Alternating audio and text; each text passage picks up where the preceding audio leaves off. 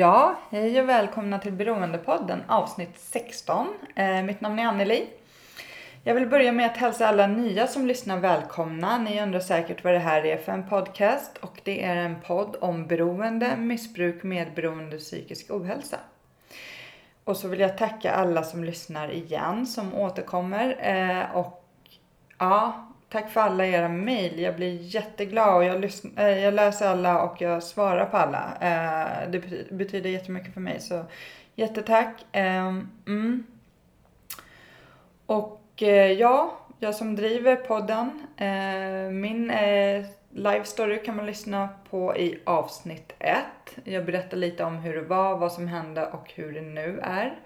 Ehm, jag lever ju själv som sagt som nykter alkoholist sedan mer än åtta år tillbaka då alkohol var min huvuddrog. Um, och sen så hade jag blodcancer, leukemi i tio års tid. Uh, har varit frisk i några år så ni går ju gärna in och lyssnar på avsnittet. Um, jag har uppdaterat hemsidan lite, eh, beroendepodden.com. Eh, nu finns det en ny flik som heter sorgbearbetning där det står en hel del om sorg.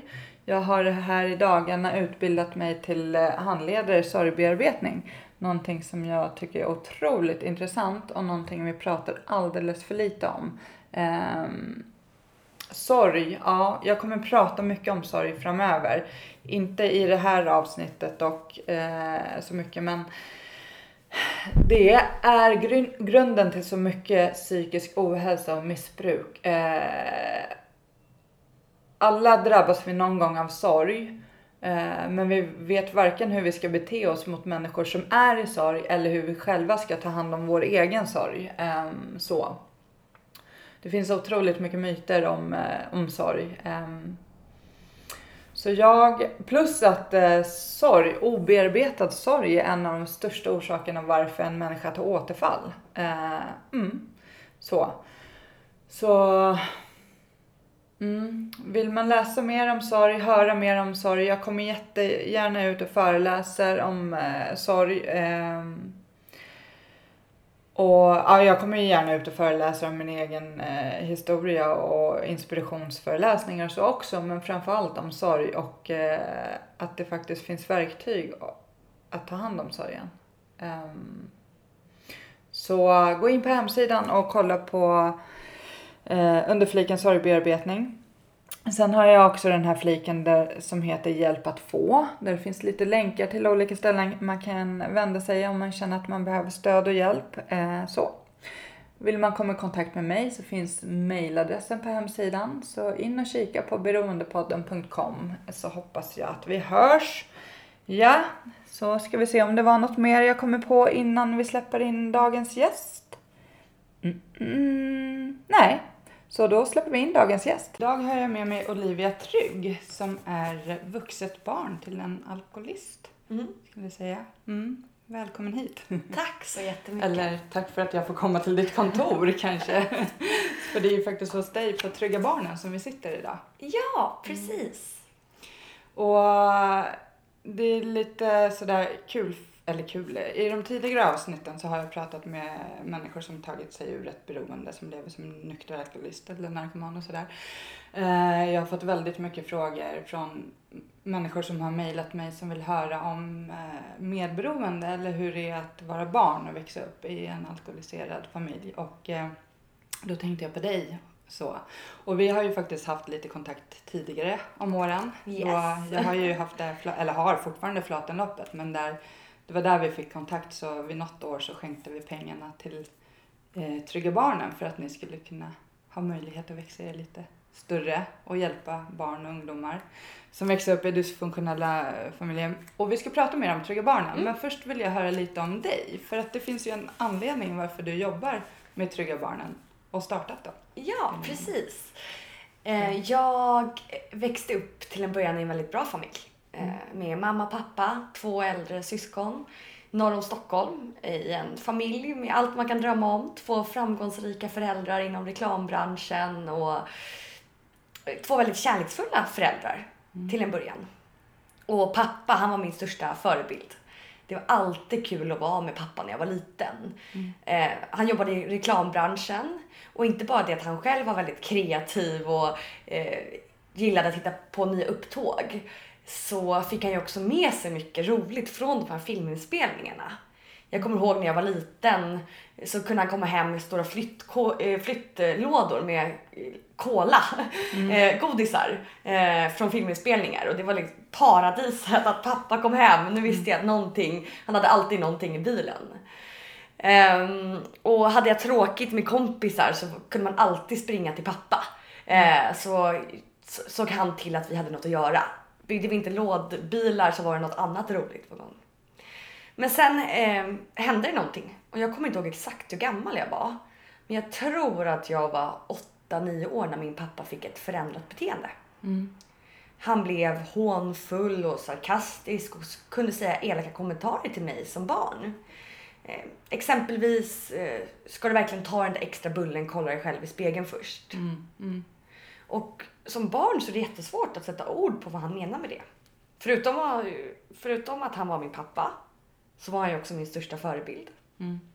Och att han säger de här orden gjorde ju att jag fick en väldigt dålig självkänsla. Jag tänkte att åh, jag kanske är tjock, jag ska inte ta den där extra bullen eller vad det nu kunde vara för någonting. Och alkohol, det har alltid varit ett självklart inslag i vår vardag. Har det inte varit fest så har det varit middagar, har det inte varit middagar så har vi grillat eh, utomhus. Och de vuxna har alltid druckit vin eller öl eller vad det nu kan vara. Medan vi barn har druckit Coca-Cola.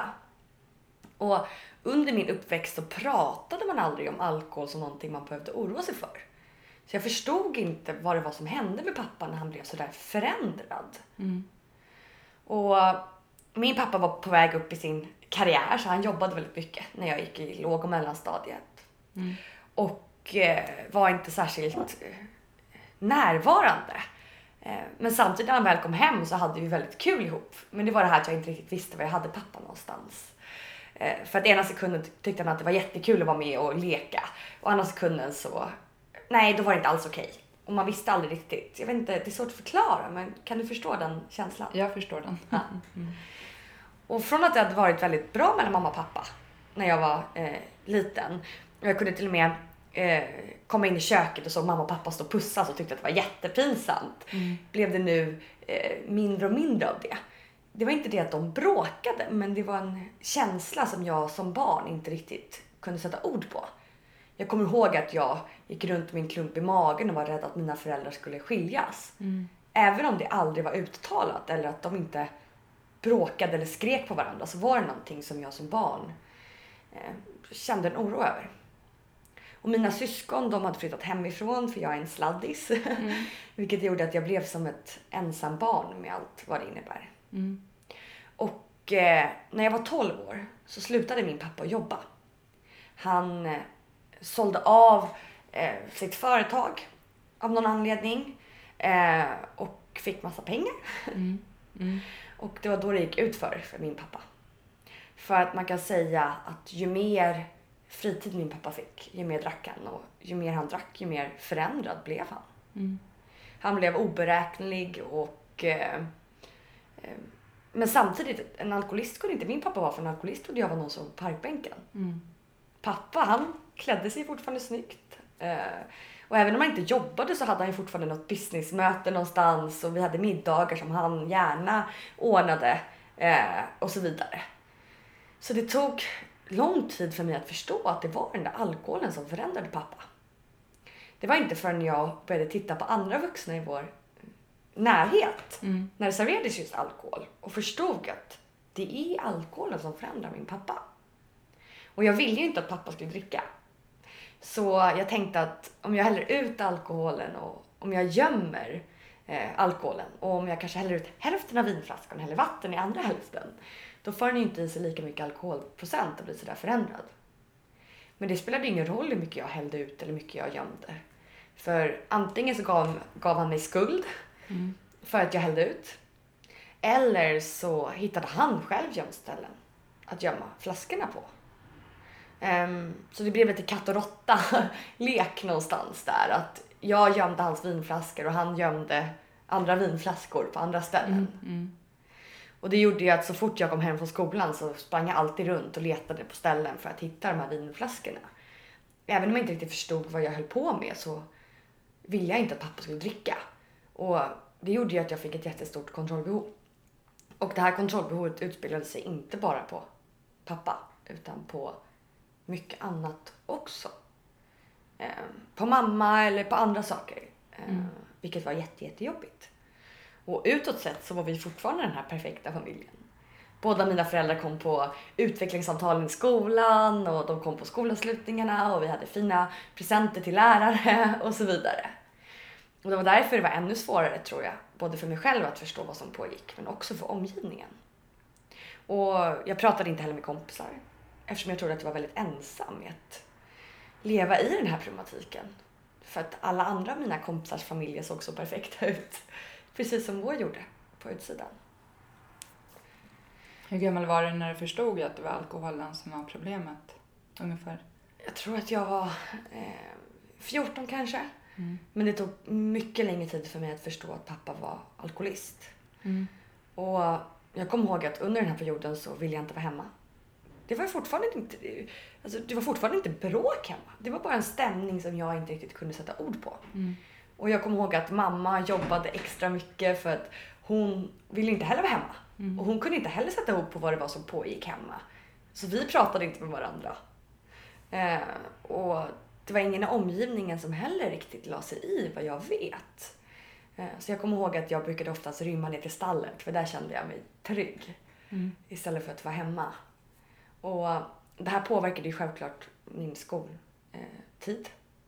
Ehm, Jag hade ganska tufft i skolan och kämpade med betygen för jag hade svårt att koncentrera mig. Men utåt sett var jag den här supersociala personen. Jag var clownen och alltid rolig och hade lätt till skratt. Och ville gärna medla mellan människor. Mm. För det var ju mitt sätt att hantera situationen som pågick i hemmet. Och när jag gick i nian, det var då allting spårade ut totalt. Eh, Jag vet nu i efterhand att mamma pratade med pappa under min högstadieperiod och sa att snälla drick inte så mycket. Eh, Och han hade någon vit månad. Mm. Eh, och- en vit månad gick jättebra för han visste att han skulle börja dricka, få börja dricka igen. Men det förstod vi inte då. Men samtidigt var det jobbigt när pappa hade en vit månad för att då blev han ju grinig istället. Mm. Och julafton skulle komma när jag gick i nian. Det var julen 2003.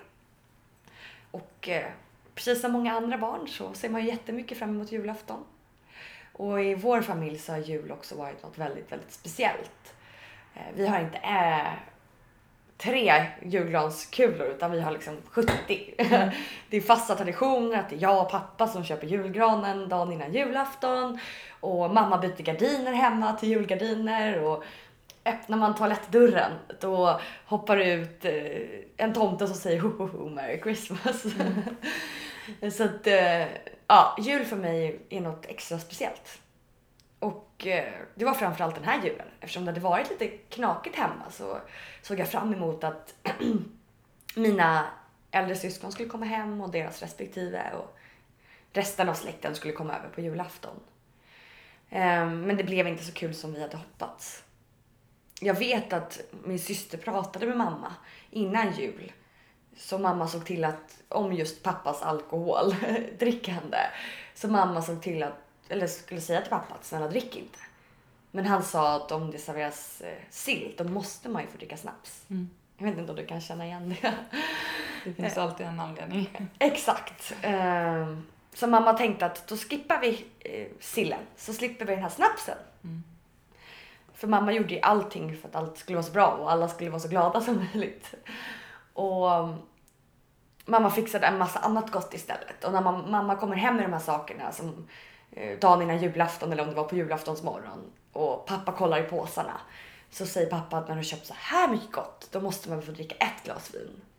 Och mamma vill inte göra en grej av det så hon säger att ett glas vin kan du få dricka. Men såklart att det inte bara blev ett glas vin. Ehm, Jag kommer ihåg att jag hittade en whisky i, bröd, i brödkorgen och ja, det var en tuff jul. Mm. Eh, pappa gick upp på övervåningen, jag sprang efter honom för att se att allt var okej. Skulle mamma gå ut och fixa något eller någon skulle gå ut med soporna eller vad det än var så sprang jag efter dem. För att jag ville att alla skulle vara glada för att det var julafton. Men det slutade med att alla bara satt och tittade på hur mycket min pappa drack. Eh, men pratade inte med varandra. Mm.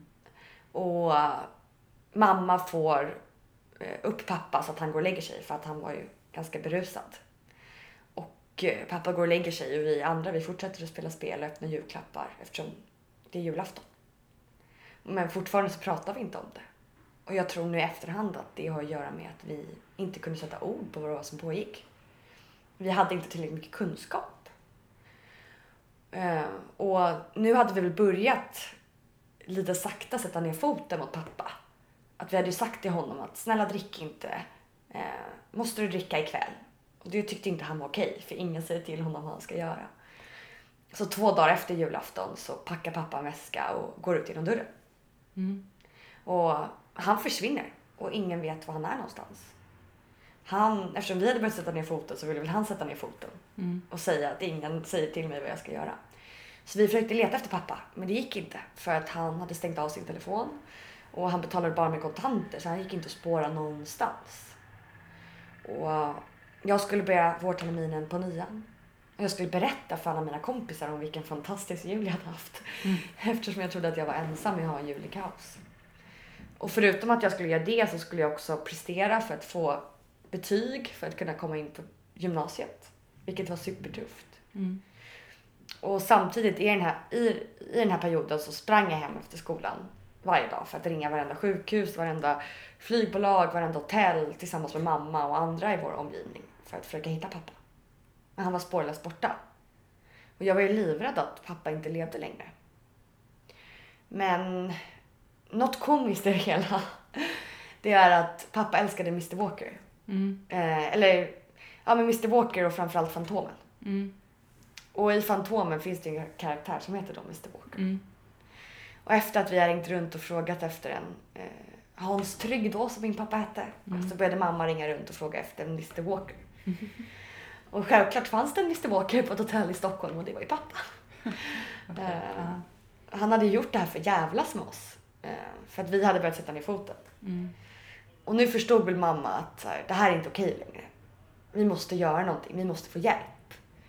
Så efter mycket letande så får hon tag på en alkohol och drogterapeut som förklarar för oss att pappa är alkoholist. Vilket jag aldrig kunde tro för att en alkoholist i mina ögon fortfarande Mm. var någon som låg på parkbänken. Och eh, ja, den här terapeuten då förklarade för oss att vi måste göra en intervention. Vi måste ställa ett ultimatum till pappa. Och eh, det gjorde vi på sportlovet i nian. Men det blev inte som vi hade hoppats. Utan vi sa till pappa att vi älskar honom. Och, men när han dricker så får han ett förändrat beteende och det mår vi i resten av familjen inte bra av. Men pappa kunde inte ta till sig det här. Mm. Eh, och vi sa också att du får välja mellan oss och då är det behandling.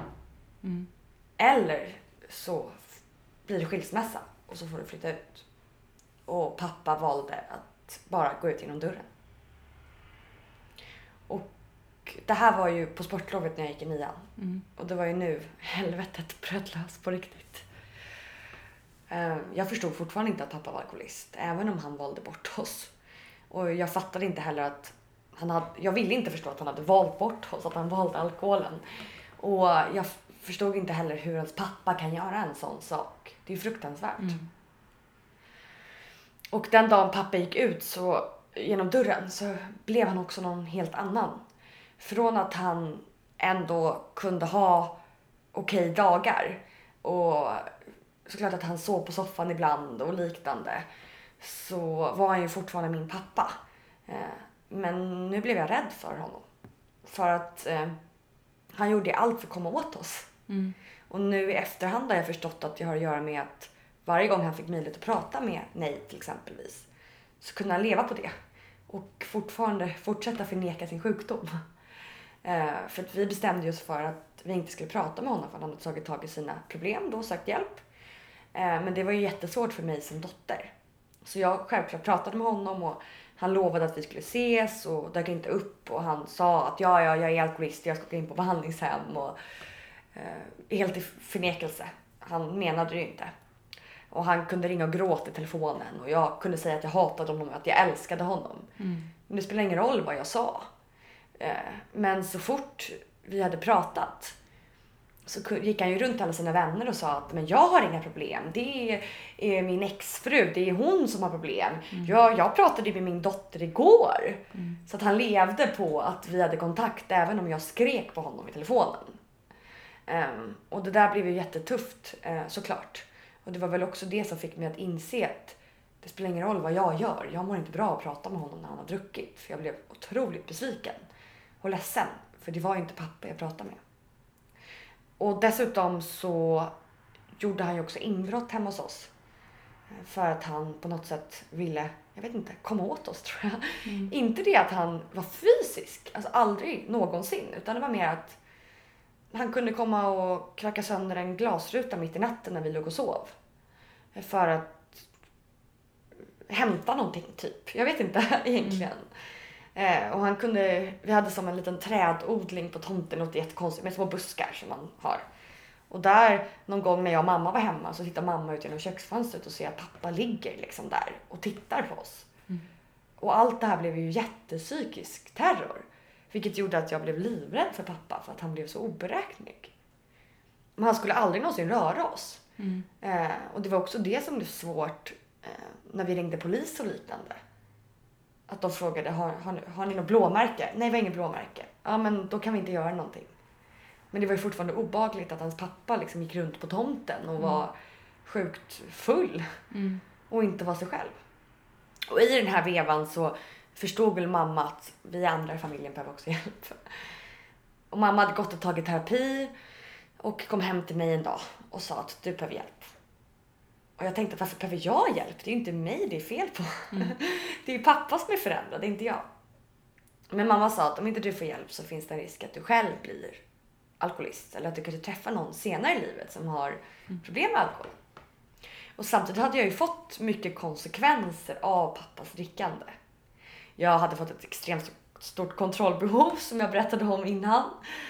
Jag hade fått jättedålig självkänsla och extremt mycket mardrömmar mm. på grund av den pappan som min pappa hade blivit. Vilket gjorde att jag bestämde mig för att träffa en specialist eller en terapeut eller en psykolog. Eh, men jag testade sju olika instanser innan jag hittade någon som hade kunskap om just alkoholism mm. och kunde få mig att förstå att pappa var ju sjuk. Mm. Det var ju alkoholen som hade valt bort oss, det var inte pappa. Och det var inte mitt fel att pappa hade hamnat där han hade hamnat. Och fick mig också förstå att jag inte var ensam i problematiken.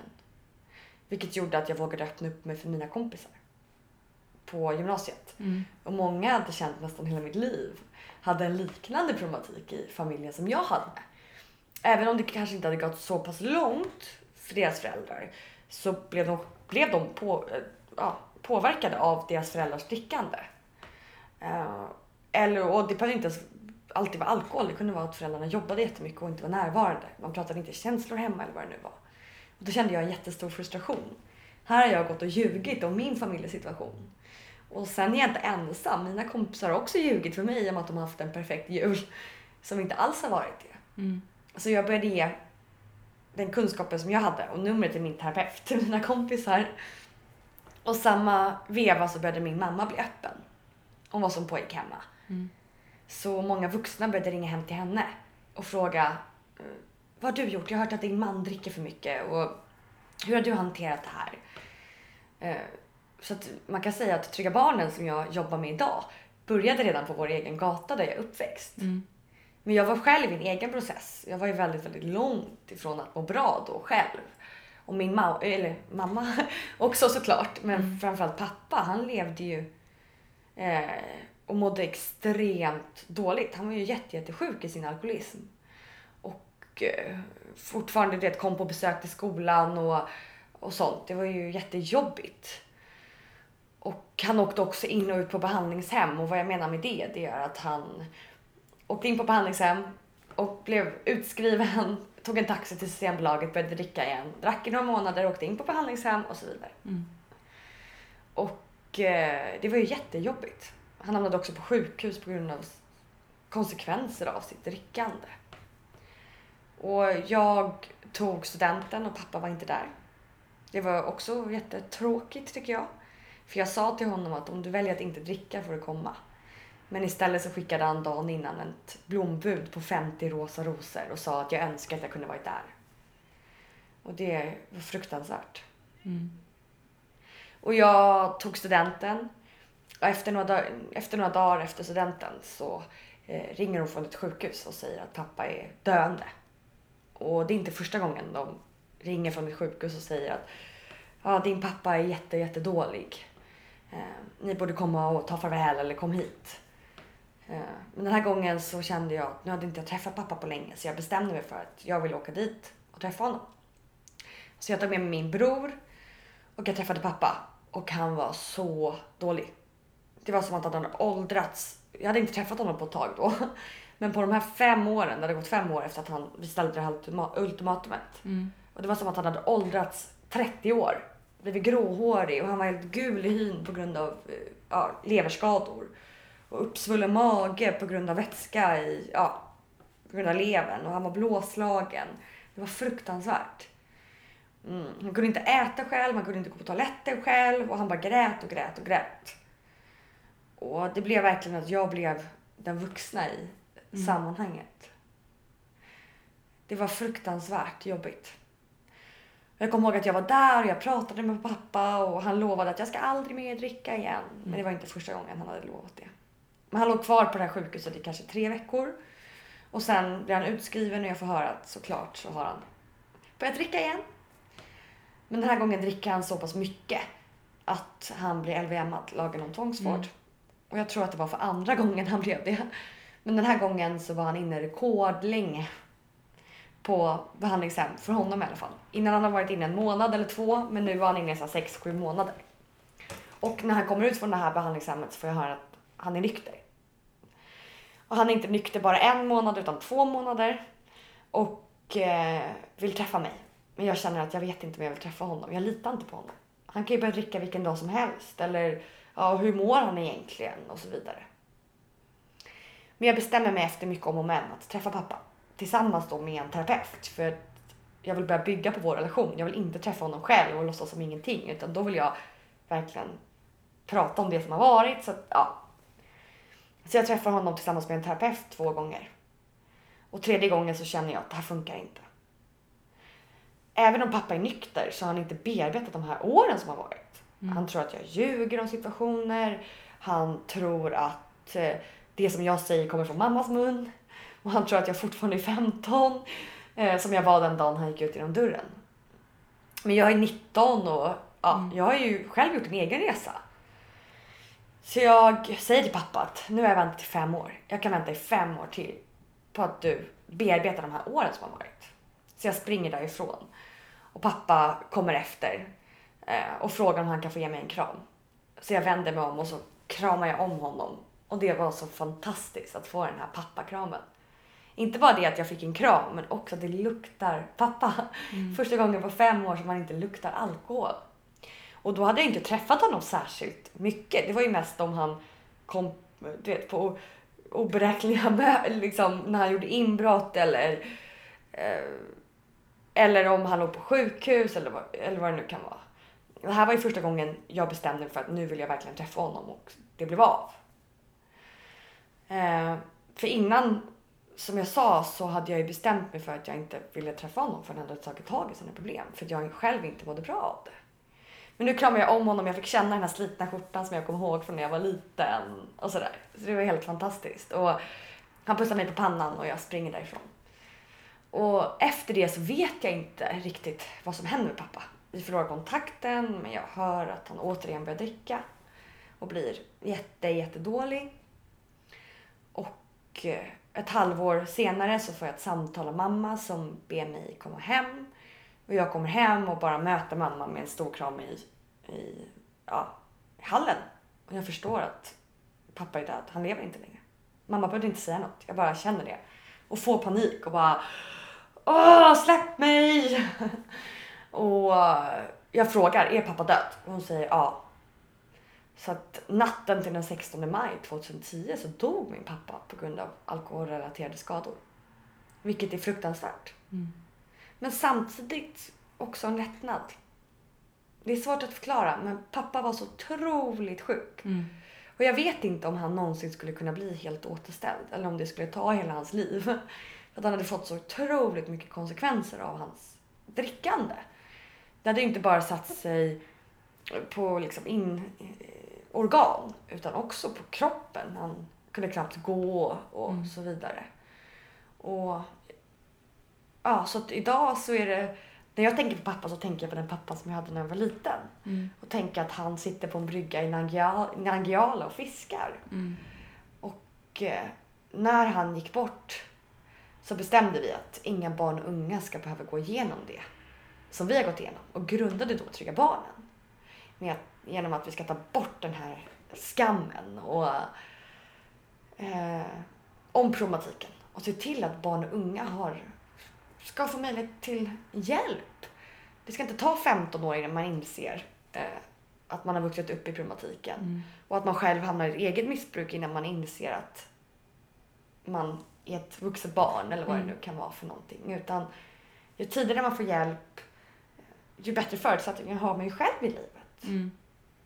Men självklart så saknar ju pappa idag. Det är självklart, men det är ju den här pappan som jag hade när jag var liten. Det är den jag vill komma ihåg. Det är ju tack vare all fantastisk hjälp jag har fått. Både professionellt och av familjen. Mm. Och alla barn och unga har inte den möjligheten idag. Och det är därför vi på Trygga Barnen finns. Mm. Just för att vara den här trygga vuxna för det här barnet. Alltså gud vad ja, rörd jag blir. Det, ehm, tack att du delar med dig om din eh, uppväxt och din pappa och jättefint att höra att bilden du har av honom är den här fina pappan som var när du var barn. Eh, jag tror många fastnar i det där slutet Mm. och det är ju, det du berättar är ju sjukdomen liksom. Mm. Han var ju jättesjuk Mm. eh, där. Och jag tycker ni gör ett jättebra jobb för att eh, just det här med att kunna, alltså så som du växer upp, det är ju ditt normala. Mm. Även om det är väldigt dysfunktionellt eller onormalt. Det har inte du någon aning om när du är ett barn, för du är ett barn. Exakt. Och du har ingenting att jämföra med liksom. Och också det här eh, så, så att gå ut, för ni går ut i skolor och informerar. Vart går ni mer? Är det? Ja, vi är ute och föreläser i skolor Mm. från sex år Mm, och uppåt. Mm. Så då pratar vi om trygghet i hemmet. mm, Vad är det? Och, och om alkoholism och beroende och, och medberoende och allt vad det Mm. kan vara. Eh, och vi föreläser också för alltså äldre barn men också de som pluggar på socionomutbildningar och Mm. lärarutbildningar. Vi föreläser på företag, vi föreläser idag också på socialtjänst mm, för lärare hur man upptäcker de här barnen. Och Mm. framför allt att vi har träffat ett tusentals barn under Mm. de här sex åren som vi har funnits nu. Vad vill de förmedla? Hur, vad, vad behöver de här barnen? Och det är det vi vill förmedla till vuxenvärlden. mm, Så därför försöker vi också träffa politiker och försöker påverka så att vi kan förändra förutsättningarna för de här barnen. Men framför allt när vi pratar för yngre barn mm, så tycker vi att det är så viktigt att visa eh, inte bara det som jag själv då har varit med om och förstod utan att man har rätt att älska sin förälder mm, men man har också rätt att hata alkoholisten. mm, mm, Och det är det som är så viktigt Mm. någonstans. Att så här, du behöver inte känna skuldkänslor att åh nu är pappa så, och det är min förälder, och måste jag älska honom och nej men nu är han sån, får jag inte älska honom? mm, Klart att du får göra det, men du får också hata alkoholisten. mm. Och det är det här vi vill visa någonstans. Att så här, skilj, skilja på den sjuka och den friska föräldern någonstans. mm. Och det är det vi försöker gå ut också och informera om. Sen är det väl, mm, jag tänker mig att de flesta barnen sitter ju väl fast i, i den här skuld, att de tror att det Mm. handlar om dem mycket. Absolut. Eh, som är fruktansvärt liksom. Och, eh, det medberoendet.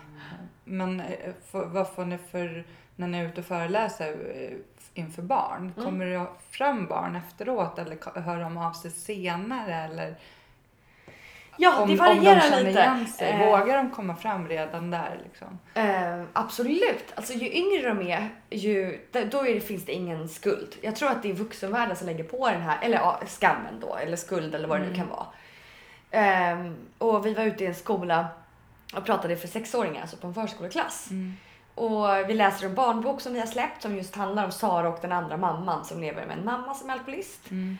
Och läser högt ur den här boken.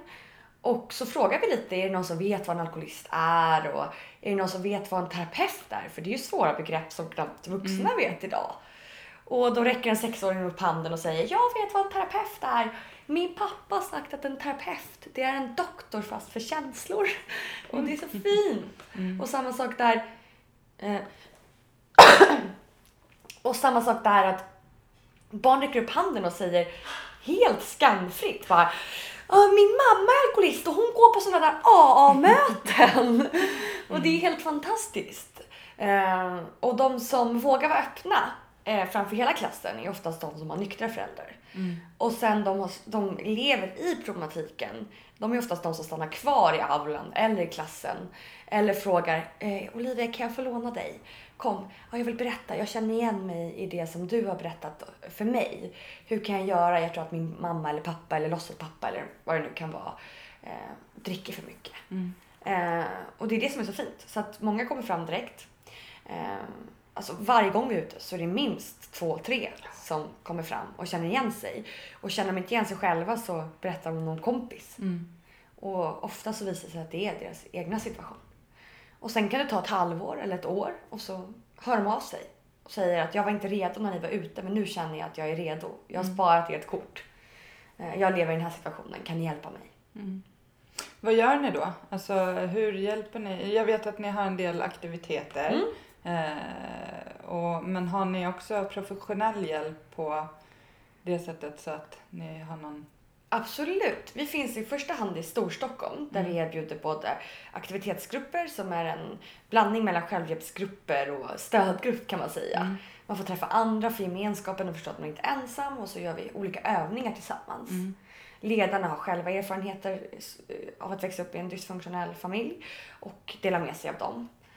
Eh, Vi erbjuder något vi kallar för Trygg Hand där vi träffar barnen enskilt och kan följa med som stöd till socialtjänsten. För att vi själva varit där och vet eh, hur läskigt det kan vara.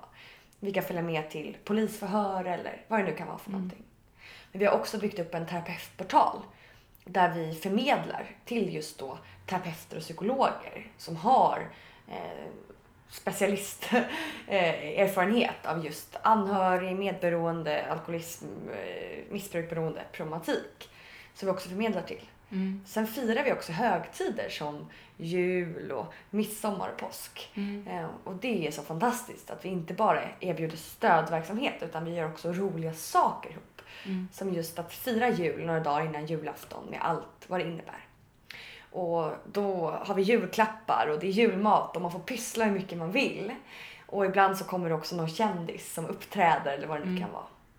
Men vad vi ser utifrån utvärderingarna det är att julklapparna och julmaten är fantastiskt. Men det barnen och ungdomarna, eh, ja, det som betyder extra mycket för dem det är just den här tryggheten att de får träffa andra i liknande situationer. Även om de kanske inte just då behöver prata om det så vet de att de inte är ensamma.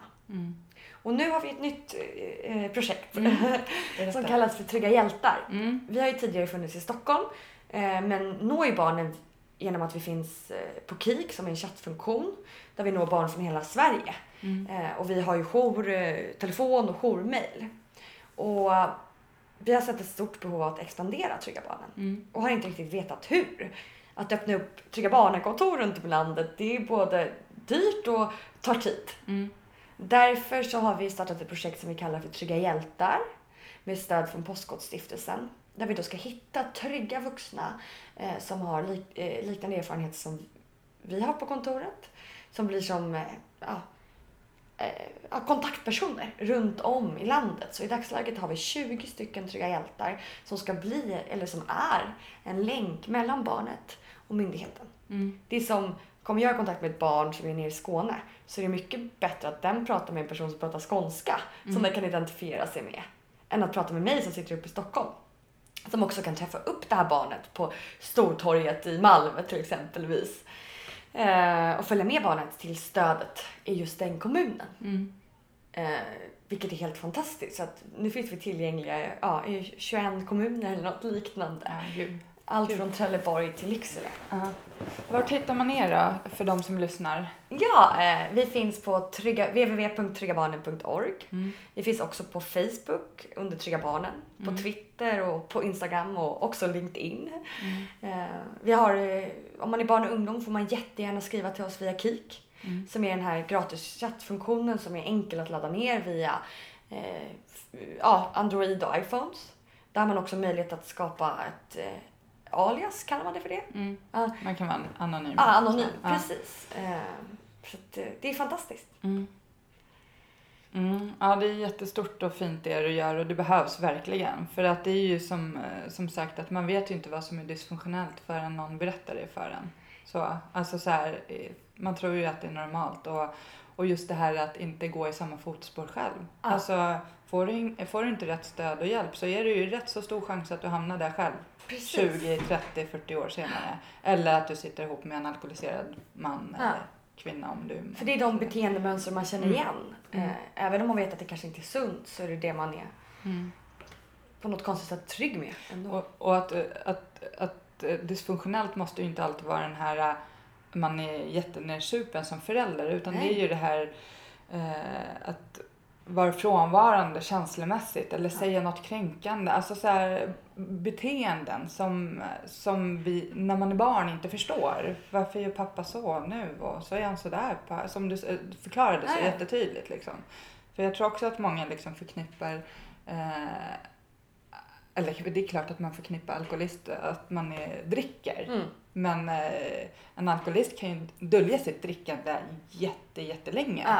Och plus att du måste inte dricka sju dagar i veckan för att vara alkoholist. Nej, nej. Utan det räcker ju att du dricker ibland. Så. Ja, Men det är ju hur man är. Alltså sjukdomen sitter ju på insidan på en alkoholist och den känner ju vi, vi barn. Jag är inte barn nu men jag har också varit barn. Ja, ja Sådär, ja. precis.